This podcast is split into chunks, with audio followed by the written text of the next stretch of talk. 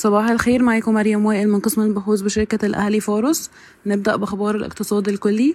تدرس وزارة التجارة والصناعة حزمة من الحوافز للقطاع الصناعي. أعطى مجلس النواب موافقة مبدئية على التعديلات التشريعية بما في ذلك زيادة الضرائب ورسوم التنمية.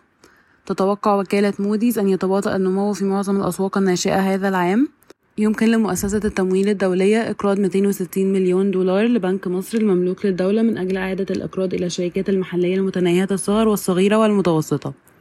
ننتقل لأخبار القطاعات والشركات. حققت شركة طلعت مصطفى في الربع الأول من عام 2023 نمو في صافي الربح بنسبة 32.3% على أساس سنوي و145% على أساس ربع سنوي ليصل إلى 747.5 مليون جنيه.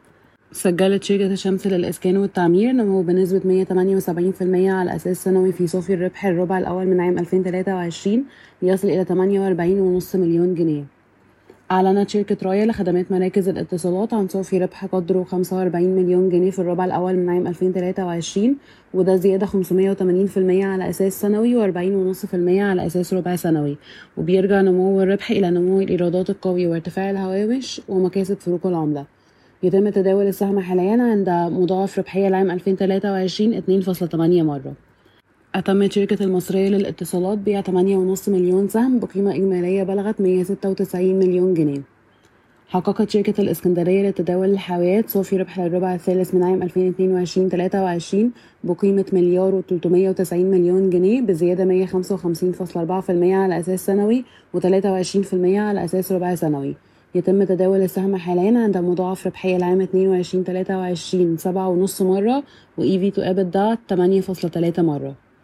أصدرت شركة القناة للتوكيلات الملاحية النتائج المالية للربع الثالث من عام 2022-23 وسجلت الشركة صافي خسارة قدرها 6.2 مليون في الربع الثالث من عام 2022-23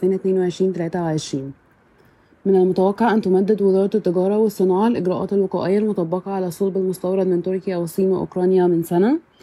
منحت الشركة المصرية لنقل الكهرباء مباشرة عقدا بقيمة 425 مليون جنيه لشركة تابعة لشركة السويدي لإنشاء محطة محولات دلتا فور.